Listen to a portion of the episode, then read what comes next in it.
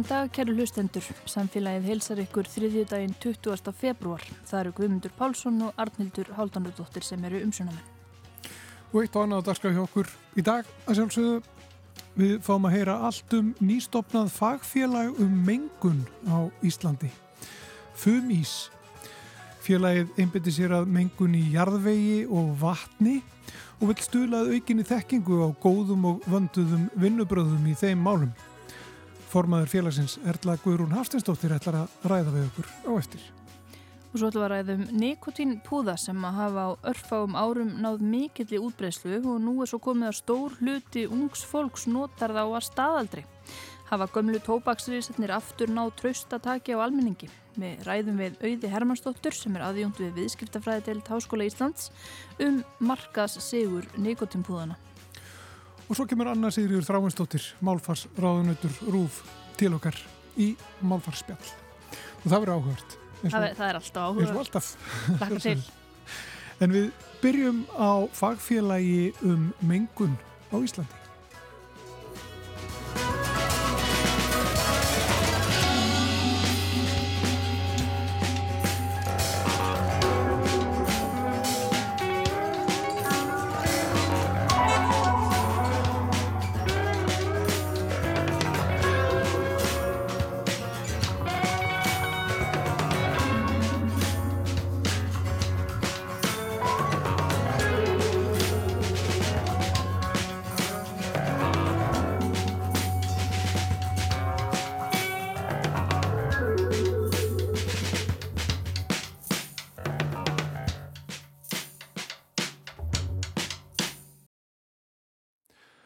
Er sest hjá okkur Erla Guðrún Hafsteinsdóttir. Hún er mengunarsérfræðingur hjá Verkís. Verður velkominn til okkar. Takk fyrir kjalla. Fyrir stöttu síðan þá var stopnað nýtt félag. Þetta er fagfélag um mengun á Íslandi. Og þarna er verið að einbetta sér að mengun í jarðvegi, yfirbors og jarðvatni og svona markmiðið er að, að stöðlaðu ykkinni þekkingu og vöndum vinnubröðum í, í, í málefnum mengunar eða vegna vegna mengunum mála. Getur sagt okkur bara aðeins til að byrja með frá stopnum þessa félags og, og svona tilgangi þess? Já, þetta er hugmynd sem að ég hef sjálf gengið með maganum tölvert lengi en í rauninni fór boltina gerulasta fyrir, fyrir um ári síðan þegar við heldum svona mengun, mengunar morgunverðarfund hjá verkis og þar kom, voru við nokkur sem heldum fyrirlestur um uh, mengunaransóknir og stöðu í reglugerða á Íslandi hvað var það mengun og þess að þar og við fórum að, það voru umræður eftirfundin og þar voru við nokkur sem voru mjög áhugsum um það að stopna fagfélag um mengun á Íslandi því að það er, það er ekki til en það er þörf á því og við sagt, eftir þennan morgunverðarfund erum búin að hittast á nokkrum fundum þar sem við hefum verið að setja saman hvað við sjáum að þörfin sé af hverju við þurfum að hafa fagfélag og hvað, hvert markmið þessi er og hvað við viljum hvað ná fram með svona fagfélagi og svo núna, árið setna, núna 12. februar þá vorum við formulegan stoppfund og sagt, erum þarna nokkur í stjórn og og ætlum okkur síðan að kynna frekar þetta fagfélag á þriðjadaginuna, 27. februar, þegar við verðum með málþing hjá Varkís um, um mengunarmálin og leiði til hreinsunar á mengun og ætlum að þess, það er að kynna frekar hvernig fólk getur gerst meðlimir og hvenar okkar næsti fundur verður þar sem að fólk getur komið og, og tekið þátt í þessu fagfélagi. Þetta er fagfélag, þetta er fyrir fólk sem að, að vinnur í þessu málum? Það er svona megin tilgangurinn. Já. Öllum er frjálst að sækja um að vera meðlimir hins vegar og þetta er byggt á því að það séu einstaklingar frekar en uh, fyrirtæki sem eru meðlimir. Þannig að við erum öll sem einstaklingar þarna meðlimir og en áherslan er það að og væntingarnar hjá okkur er það að þeir sem vinna að framkvæmdum, uh, eru vinna hjá heilbríseftileitum eða ráðgjafar að þau komi inn og geti þarna fræðist og deilt reynslu, komið með spurningar og við svona samræmum okkar aðferðir, hvernig við vinnum, þannig að við getum unnið saman að þessu máluflokki. Mm. Því það er svo mikilvægt því að um, mengunar rannsóknir og hreinsun og þess að þetta vinst ekki tómarúmi og til þess að ná sem bestum árangri þá þurfum við að unni saman á hvað stíði sem það er. En um, við höfum svona reykið okkur á það að það er raunir skortur á kröfum og leiðbenningum um hvernig ber að framkvæma um, bæði rannsóknir og hvenar ber að gera það. Þannig að það sé ljóst þeim sem fara til dæmis í framkvæmdir að þetta sé hluti af ferlinu. Þannig að þarna eru við bara vonast til þess að þetta getur verið líka einmitt framkvæmdar aðilar, að þeir getur verið hluti af og komið og setið fræðsleirindi, setið námskeið og já, þannig að það sé svona aðal eh, okkar vendingar með þetta fagfélag. Já, og er þá, er þá hugmyndin að þetta félag uh, þrýsti á um um breytingar uh, á regluverki til dæmis? Já, ákveðin hátt. Þá viljum við vekja aðtikli með okkar fagfélagi hvar er hægt að gera betur og ákveða hátt. Um, ég hef uh, miklu reynslu frá Ástrali, vann þar lengi sem ráðgjafi. Uh, Kristín Krægir hjá Ungarstofnun, hún vann lengi í Svíþjóð sem eftirlitsaðili. Þannig að við tvær erum að koma með svona þekkingu utanfrá sem að sérst, aðferðir í Ástralju og Svíð eru svipar þannig að við höfum getað að tala svona sama mál hvað, hvernig, hvað aðferðum er beitt sem er rosalega mikilvægt og, og við líka með þessu fagfélagi um, stefnum á að gerast meðlimir í samtökum í Skandinavíu þar sem að hérna við getum tekið þátt í svona al, á alþjóðlegum vettfangi Uh, og eitt skref í þess er líka það er sérst ráðstefna núna í Uppsala í september sem að ég og Kristín munum allavega að fara á og ég mun halda þar fyrirlestur og, og við erum svona að koma Íslandi betur inn í þessi mál þannig að við getum sérst, fengið aðstóð utanfrá ef við þurfum uh, fræðst hvað er að gerast þar um, ellendis og Skandinavi það er alltaf mikil svona norræn hérna samvinna sem er ofsalega mikilvæg mm. til þess að líka geta bara fylst með hvaða breytingar er að verða, hvaða, hvað er að koma nýtt inn, hvaða aðferðum er verið að beita. Þannig að við séum alltaf svona vakandi og í tengslum við um, bara þennan geira sem eru mengunar ansóknir og reynsun. Já, og það eru sko stoppfélagar þarna koma viða að í heimægt. Ímsar stopnarnir og, og fyrirtæki sem að koma að þessu. Já, við í stjórninni erum semst, uh, frá Verkís, frá Vafesó, vegagerðinni, umhverfstofnun, heilbilsettil Reykjavíkur og höfuborgarsvæðinsins. Já, þannig að við sem sagt, um, þar sem við erum svona víða að, að þá komum við með mismunandi sín á þennan málaflokk og getum þannig eh, betur í samvinnu um, séð hvar, hvar við þurfum að fræða betur eða hvar við þurfum að leggja til einhverja breytingar eins og, eins og að segja með reglugerðir. Hvort að það sé um, við getum leiðbeint inn í múnandi umhverfisraðanætið hvar, hvar þarf að breyta eða bæta til þess að við stöndum okkur betur hvað varðar mengun á Íslandi. Já, Og þá er spurningin, þurfu að standa okkur betur og, og hvernig þá ja, byrtist vandin, sko, ef maður getur orðað þannig? Já, svarið einfallega er já, við þurfum að standa okkur betur því að það er jú mengun á Íslandi og hún hefur orsakast af ýmsum þáttum, um, meðal annars veru hersins, um, við erum með Eh, starfsemi sem er mengandi, eins og flugvellir er mengandi, það eru bensinstöðvar, það eru mengandi og yðnaður er mengandi. Eh, það er líka minni starfsemi sem getur verið mengandi, alls konar versmiður og það, það gerist bara að, að það þarf alltaf að hafa eftirlit og það þarf alltaf að vakta og svo geta orðið sliðis og eitthvað sem ekkit endilega er um, gert viljandi en það þarf samt að geta tekist á við það. Og síðan erum við líka það er mikil uppbygging í gangi. Það er verið að breyta gömlu miðnaðsvæðum í íbúðabygð og þar er mikilvægt að í upphafi skipulagsferils sé hugað að mengunar ástandi svæðisins til þess að það sé hægt svo að takast á það hvað á að gera með þau svæði og, og jafnvel skipulegja svæðið í samræmi við það. Og það er það, það sem er gert mikið í Ástralíu til dæmis.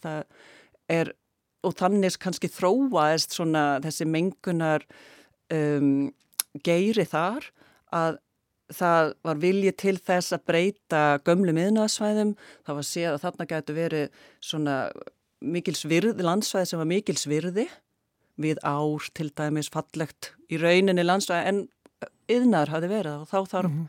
að rannsaka hvert ástand mengunar er og þá hvernig við getum hreinsað því það eru fullt af aðferðum og það er í rauninni kannski það sem er jákvæmt fyrir okkur á Íslandi er að við, við getum í rauninni hoppa jafnvel 30 ár sleft 30 ára ferli sem önnulönd hafa þessi gangi gegnum með uh, prófanir á hvaða lausnir virka best því að nú liggja fyrir margar lausnir sem hægt er að nota til hreinsunar og, og það verður kynnt á þessu málþengi sem verður á þriði dæn.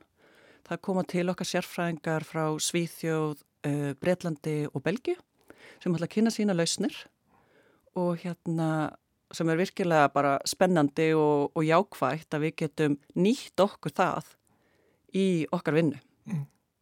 Þú nefnir þessi svæði sko sem að á stendur til að byggja upp þar sem áður var einhvers konar yðnar eða einhvers mm. konar mengati starfsemi, við getum kannski nefnt bara höfða hverfið hér í, í Reykjavík, mm -hmm. þar sem eru mikla frangatir fyrir höðar, mm -hmm. þar hefur náttúrulega verið alls konar starfsemi sem að getur verið yeah.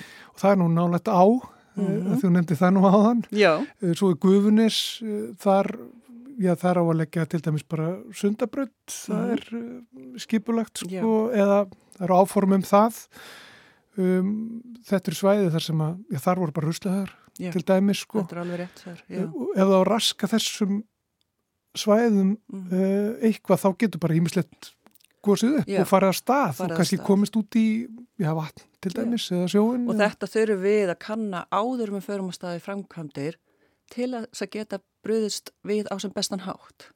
Því það er jú auðvitað er leiðilegt að það sé mengun einhver staðar en það, því fylgir bara manninum.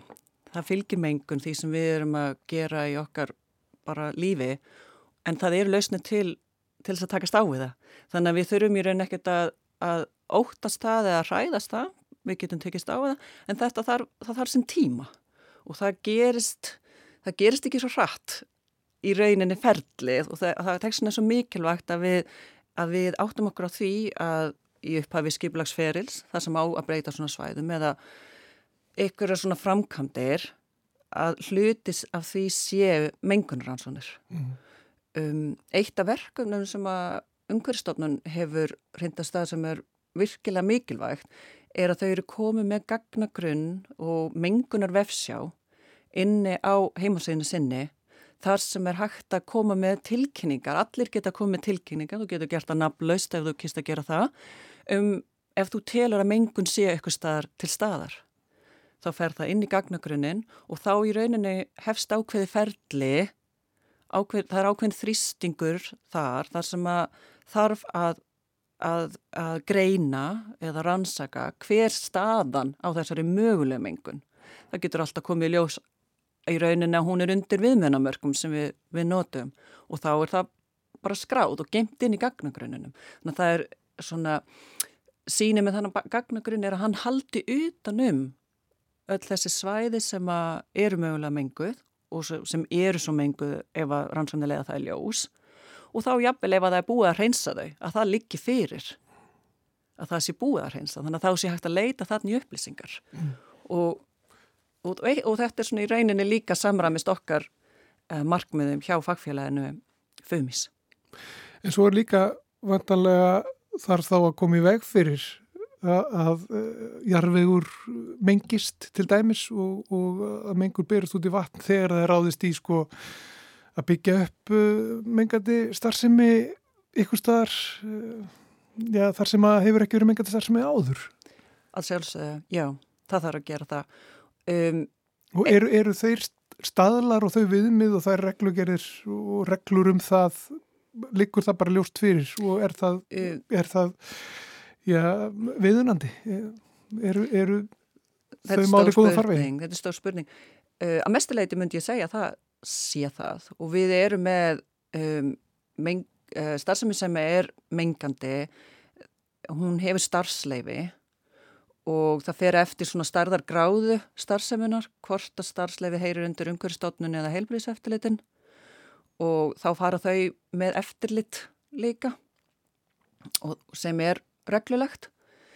Um, ég held að það ég alltaf um, gera betur.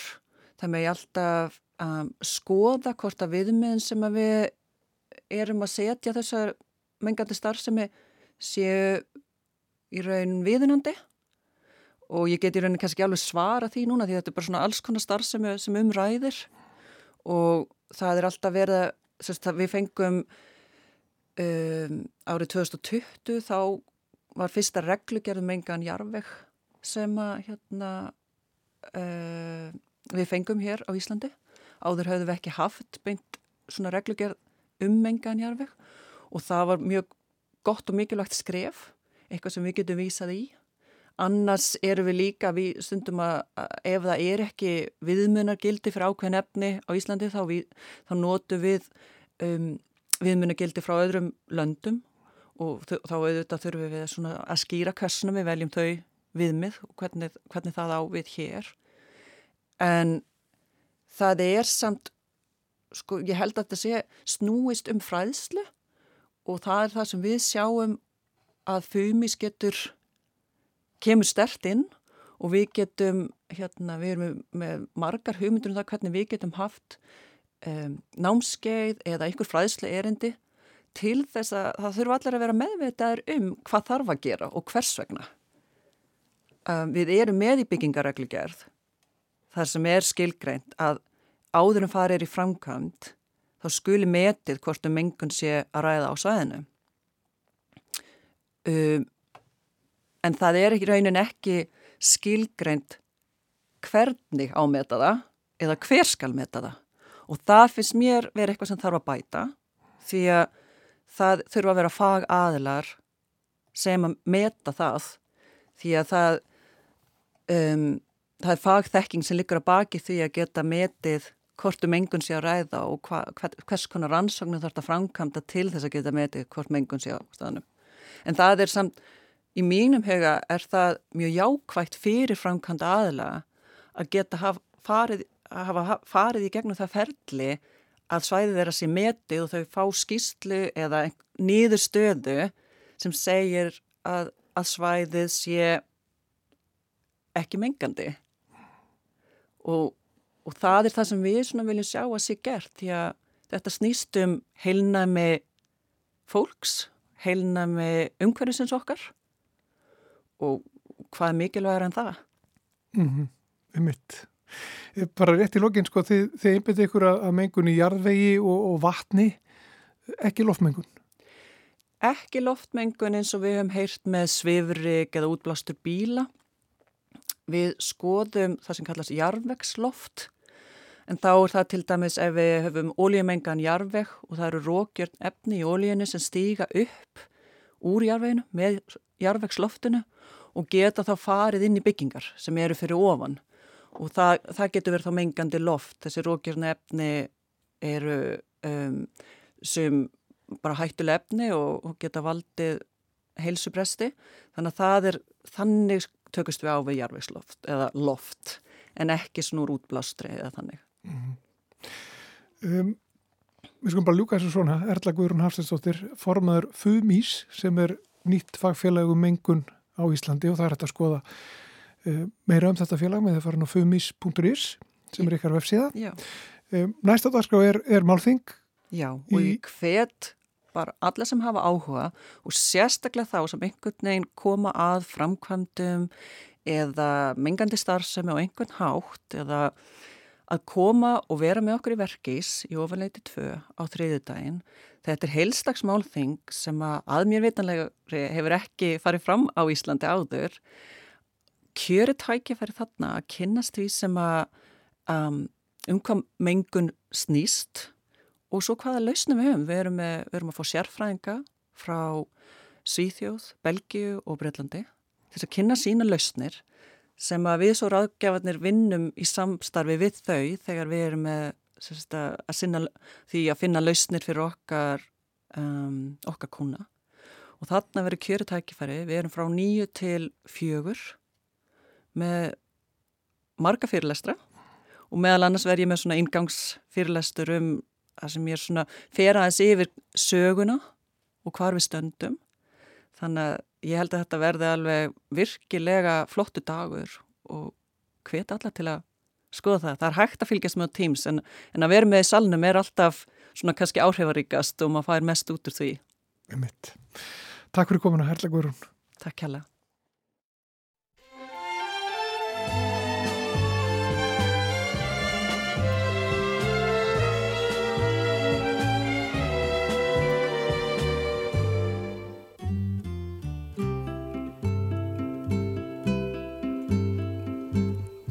Ho sbagliato tante volte ormai che lo so già. Che oggi quasi certamente sto sbagliando su di te. Ma una volta in più che cosa può cambiare nella vita mia? Accettare questo strano stata una pazzia. Sono triste tra la gente che mi sta passando accanto. Ma la nostalgia di rivedere te è forte più del pianto. Questo sole accende sul mio volto un segno di speranza. Aspettando quando a un tratto ti vedrò spuntare in lontananza. Amore fai presto, io non resisto. Se tu non arrivi, non esisto, non esisto,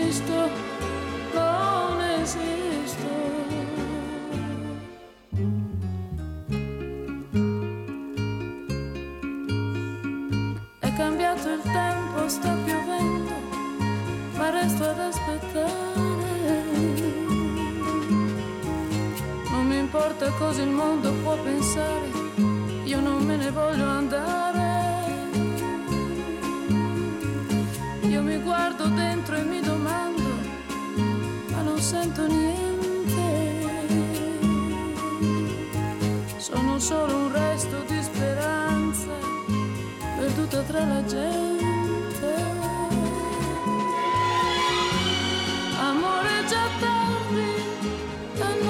esisto.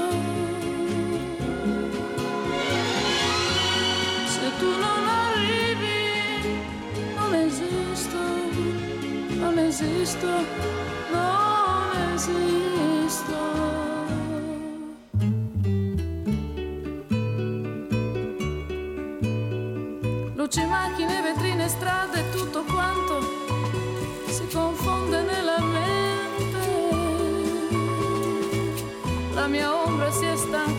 Seguirmi, il giorno muore lentamente. Non mi resta che tornare a casa mia, alla mia triste vita. Questa vita che volevo dare a te, l'hai spicciolata tra le dita.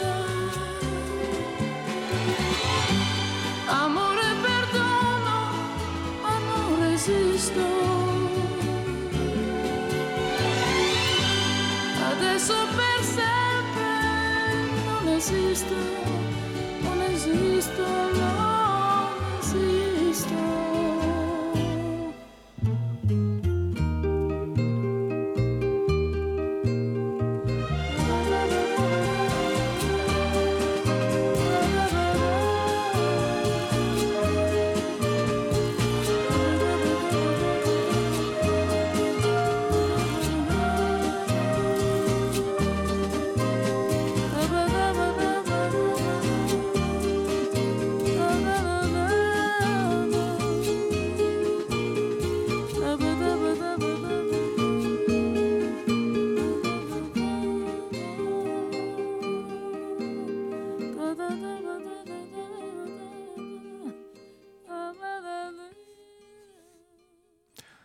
Þetta var ítalska leik og söngkonan Ornella Vanoni og lagið La Puntamento, lag sem Vanoni söng árið 1970 og gekk í endur nýjum lífdaga þegar það hljómaði í kvikmyndinni Ocean's 12 árið 2004. Vanoni er einn skærasta stjarnar ítalskrar tónlistarsögu undarfartna 6 áratugið eða svo. Hefur selt 65 miljónir platna. Leikið á sviði í sjónvarpi og í kvikmyndum og síðast leik hún í kvikmynd árið 2021 og sendi sama ár frá sér blötu. Ornella Vanoni fagnar nýræðisammali síðar á þessu ári. Þegar maður rínir hérna ofan í gulgrænan svörðin sem er að koma undan hálku hérna við Íþróttahús Háskólans þá sér maður glitta í þessa búða hér og hvar. Við sitjum hérna á skrifstofi Gimli, ég og Auður Hermannsdóttir aðjungt í viðskiptafræði við viðskiptafræði Dild, Háskóla Íslands og við ætlum að ræða eh, markasfyrirbæri sem hefur verið mjög áberandi síðustu árin og varð rosalega fljótt vinsælt. Það eru nikotínpúðanir. Þú ert aðeins búin að grúska í þessu. Er þetta einstakt hvernig þeir einhvern veginn komi og gjör sigruðu markaðin?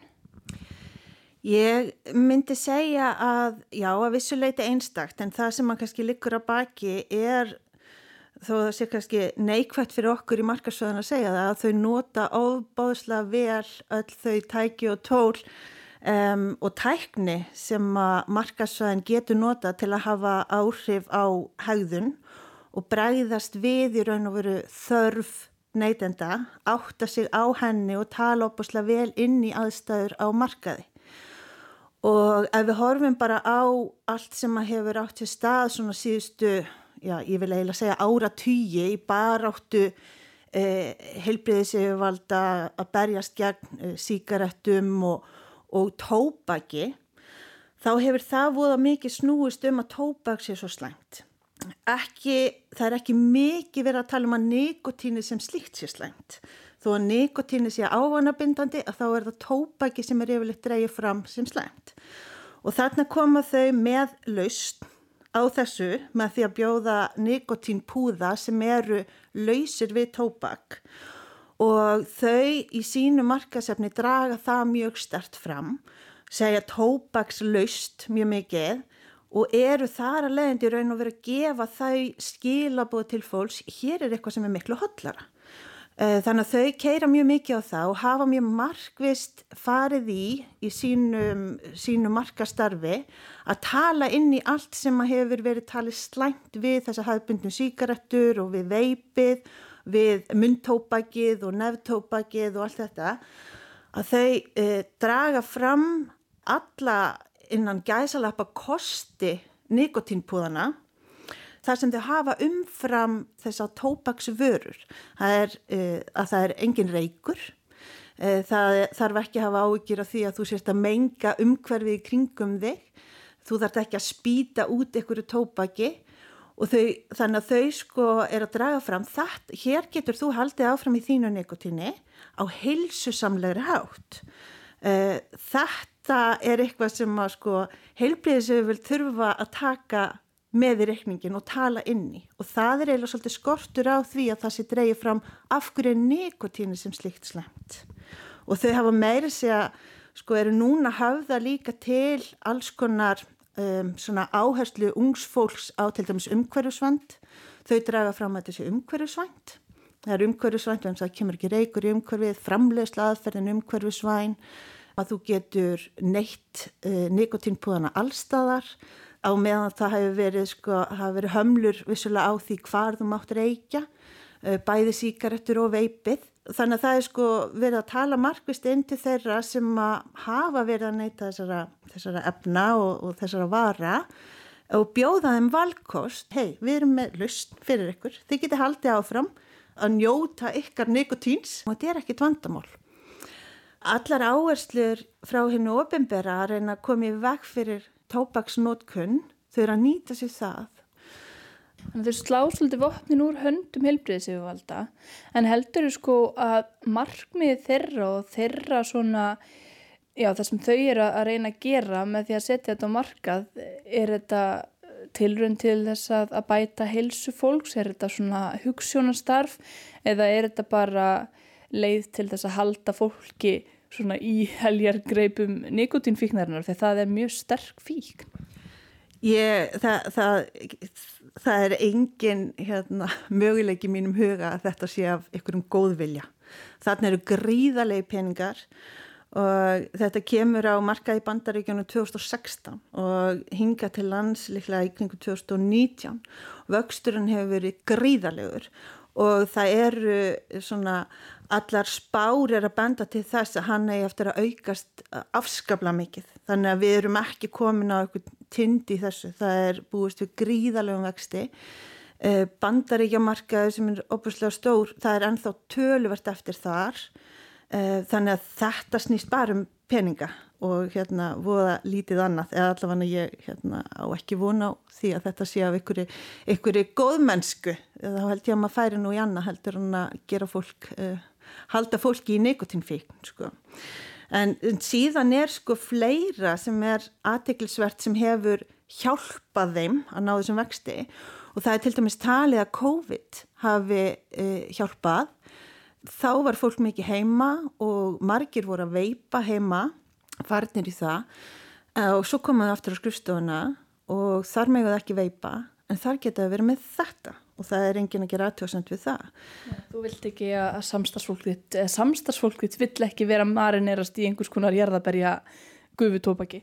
Nei, líklega ekki og svo er það, ég held á flestum stöðum sé bara það er ekki samþygt, ekki frekar en síkartureikur og svo er líka í kringum COVID að þá var náttúrulega sko lungna vandamálinn þetta er líka viðbröfið því að þú, þú getur haldið áfram með nikotínið og þú þarft ekki að reykja ofan í lungun þannig að þetta er eh, að þeirra mati heilsusamlægra að því leiti. Þannig að þetta, sko það er talið að COVID hafi í raun og verið ítt ennfrekar undir og svo er það sko öll þessi laga umgjörð sem snýra að hinum vörunum, hinum tópaksvörunum sérstaklega að hún er að íta fólk í rauninu veru í þessa átt og núna eru margi til dæmis viða um lönda fara að banna veip, banna einnóta veipin og mér skilst að það sé á leginn hinga líka þannig að það má alveg búast við því að það, þetta aukist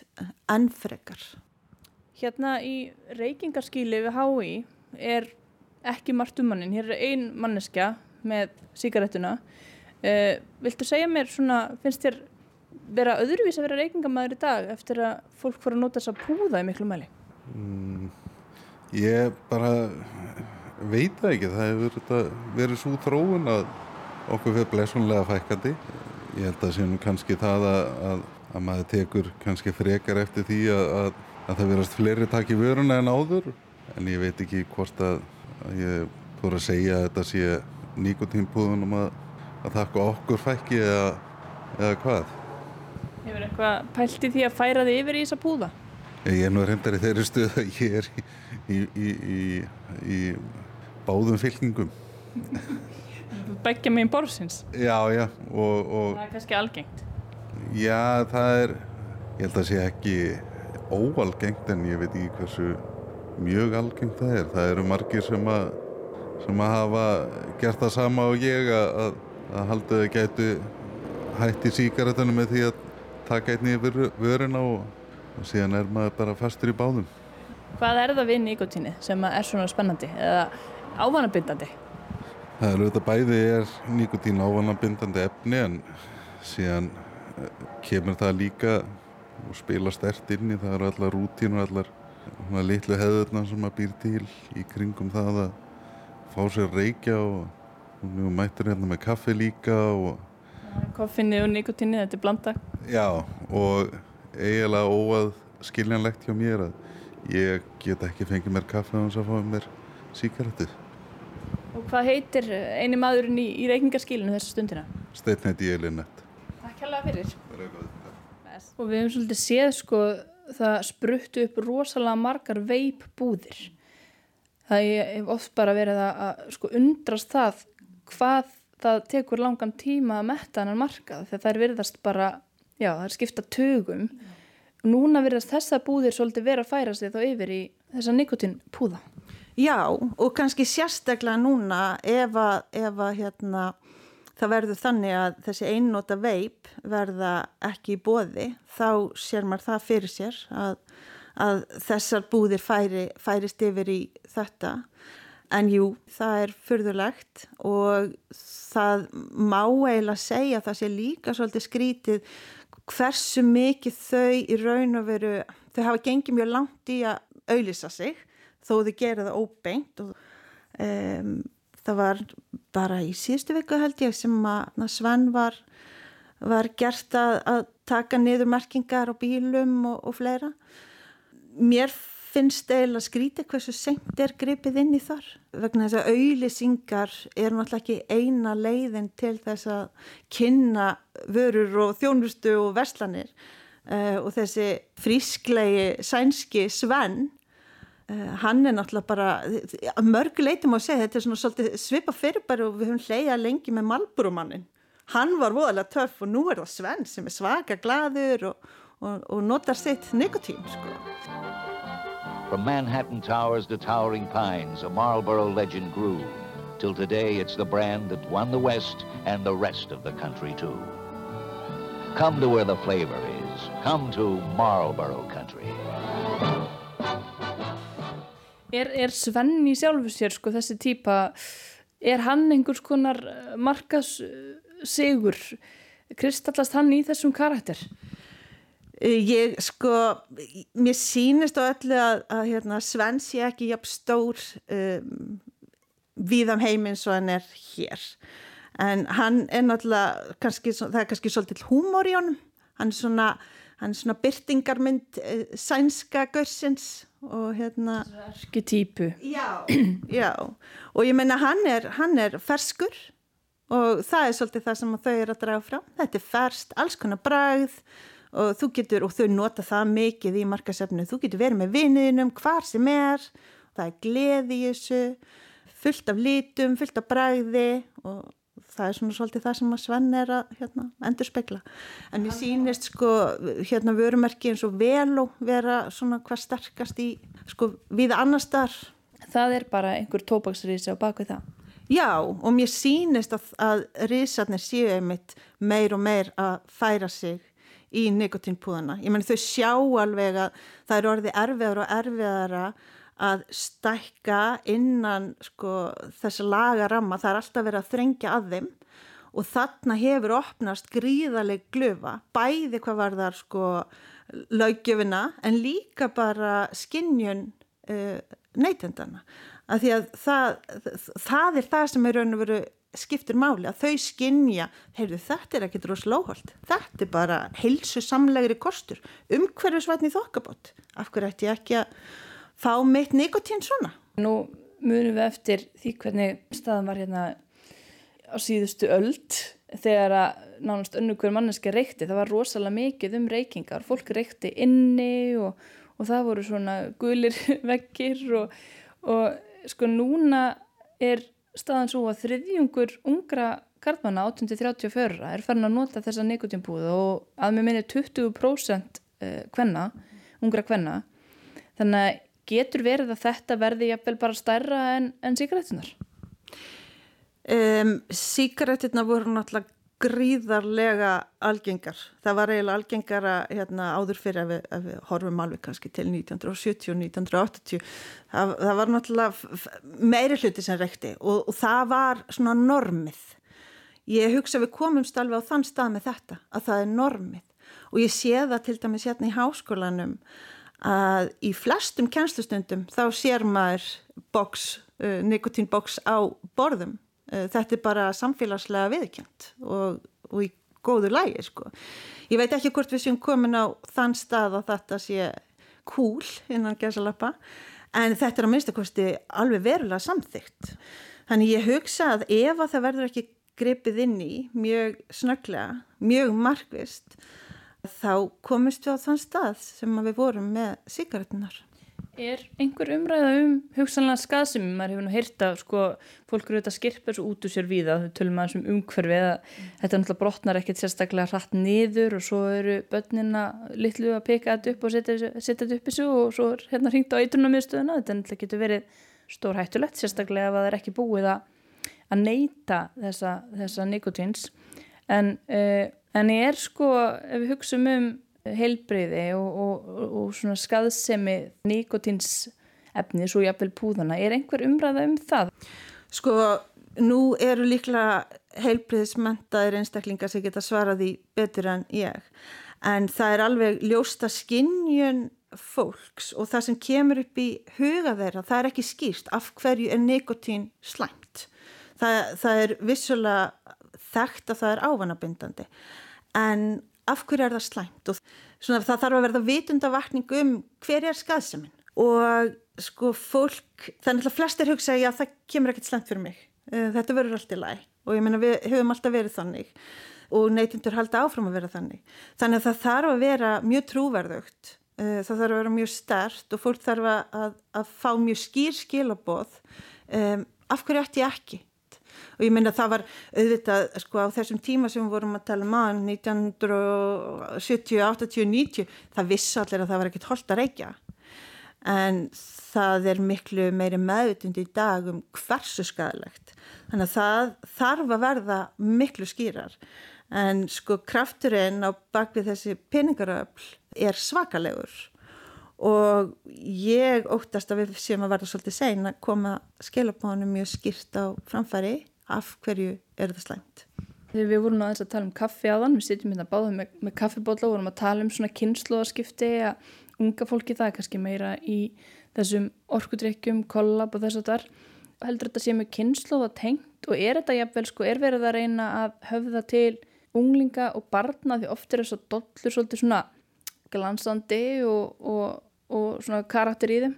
Já, það virðist vera markvist, uh, allavega úlinga, ég vil nú kannski ekki segja badna en allavega úlinga og þar koma inn uh, allar þessar bræðtjöfundir og að því þú nefnir kollab og allir þessar orkudrykkir og það er mikið að bræði það er það sem að gerði veipið svona svolítið hérna, físilegt fyrir yngra fólk. Það voru allar þessar bræðtegundir sætubræðið og, og hérna, myndubræðið og þau eru stöðugt í þróun á nýjum og nýjum bræðtegundum og þetta er markvist að höfða til yngra fólks.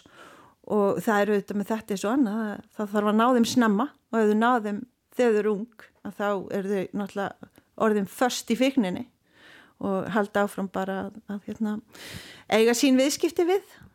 Tópaksverðið sanna, gamlu Já, akkurat Ég vil hvetja bara heilbreyðisöfuvöld til að býða ekki heldur í álfurunni eh, fara á stað eh, markvist vinna því að að upplýsa um hver er raunverulega skaðseminn af nikotíni. Það er ekki nógu skýrt í huga fólks. Þannig að fólk er að nota þetta í eitthvað skonar ránghugmyndum um að þetta sé allt í lægi, þetta sé jafnvel hilsusamlegt og umhverjusvænt. Einmitt. Takk fyrir þetta. Við þurfum að leita fleiri svara held ég og ræða við heilbriðis starfsfólk. Takk fyrir.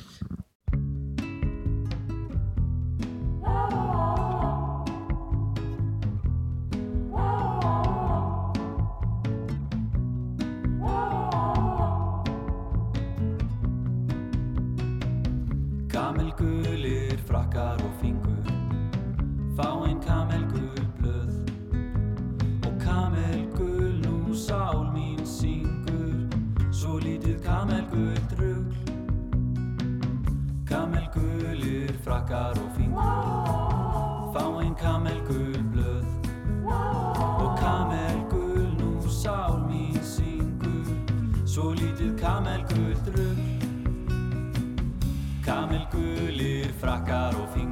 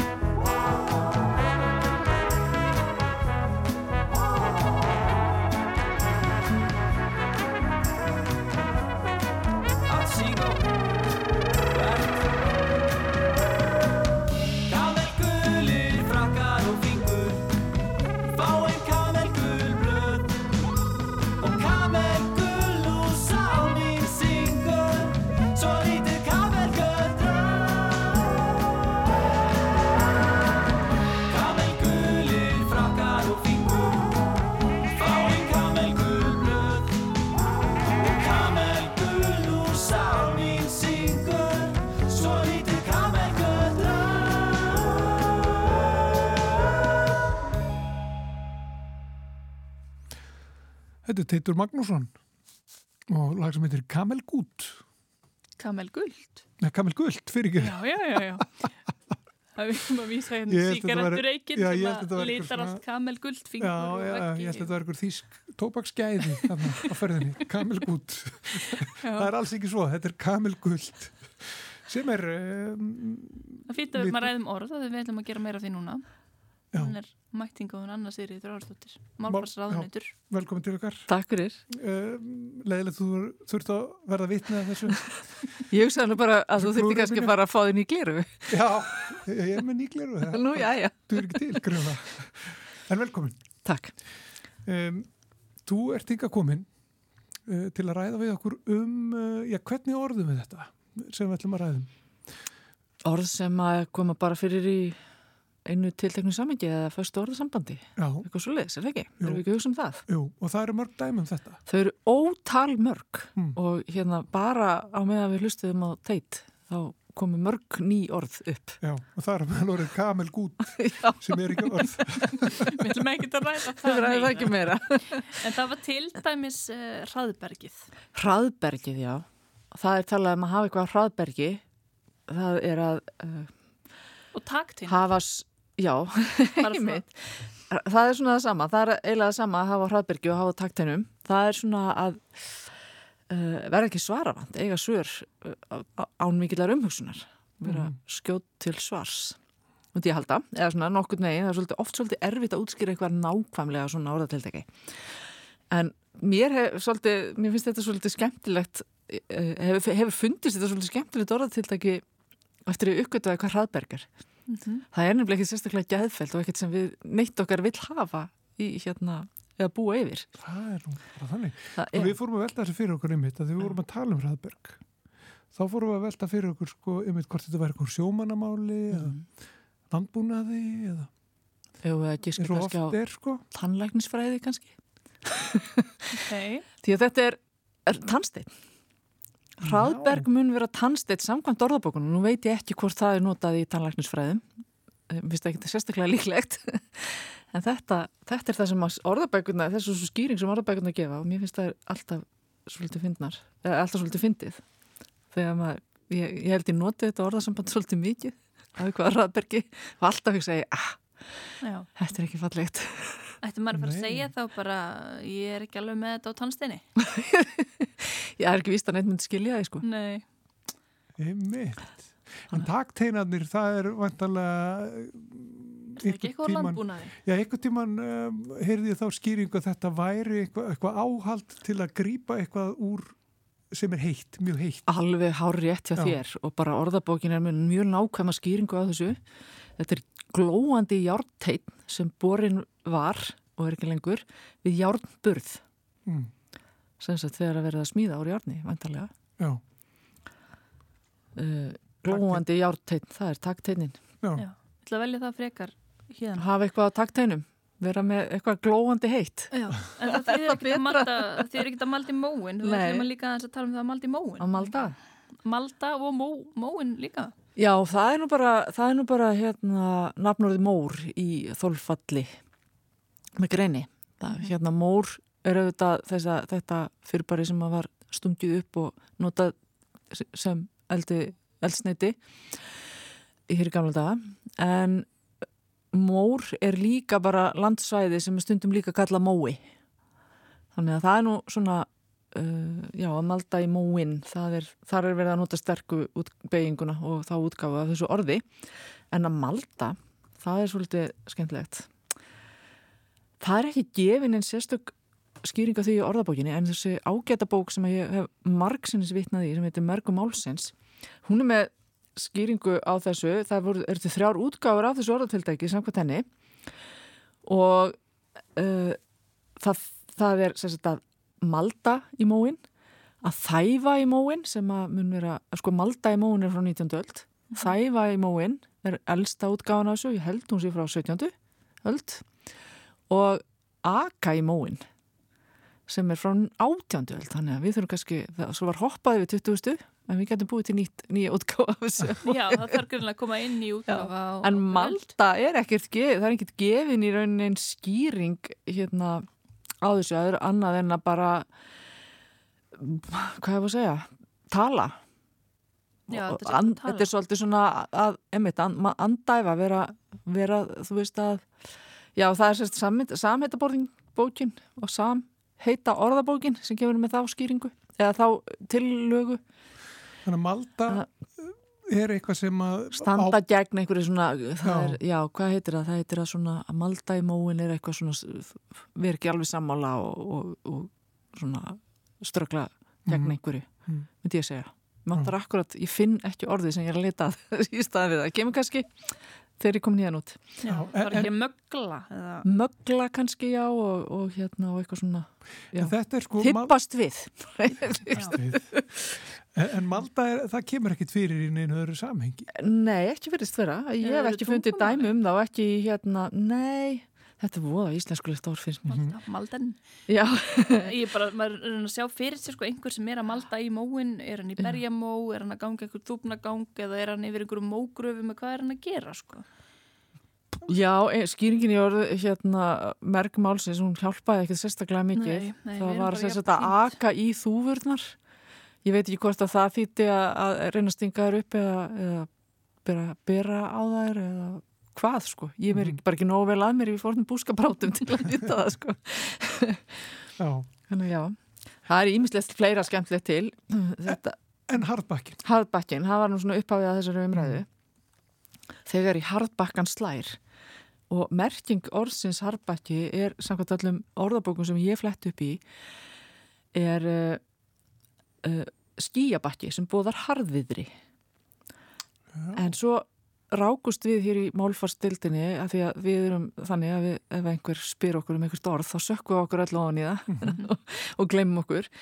Og við fundum gamla heimild sem að var uh, svona umsögnari dómur um orðabók, um blöndalsorðabók orðabók Sigfúsar Blöndals þegar hún kom út uh, á þriða áratugnum.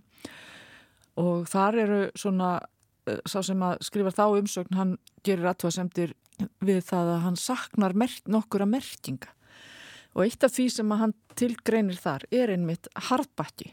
Hann saknar mer, hérna, fleiri skilgreining á orðinu harðbakki því að hans máli er harðbakki í rauninni bakki á ljá. Já, Þið veitir þegar það var slegið með orð og ljá og þegar það búið að brína hérna ljáin svo mikið að, að ekkin er bara komin upp í bakka þá er, þá er farið að slá í harbakkan. Já. Samkvæmt þessu, ef að þetta er rétt. þetta hljómar mjög sannfærandi skýring. Gerir það. Uh, mér finnst harbakki sem, sem skíabakki alveg líka uh, samfærandi og ef við hugsaum þetta myndra en þá getum við líka ímyndað okkur að harbakki sé bara harðfennisbakki þannig að það er margt sem kemur til greina en, en fáar heimildir um þetta orð öðruvísi en, en í þessu orð, fasta orðasambandi Já. Einmitt, það er egg og bakki Já, og svo er blað á milli. blaðskilur bakka og egg svo Jónas Hallgrímsson orti Já, og svo er eggja bakkar, það er allt annað. Já,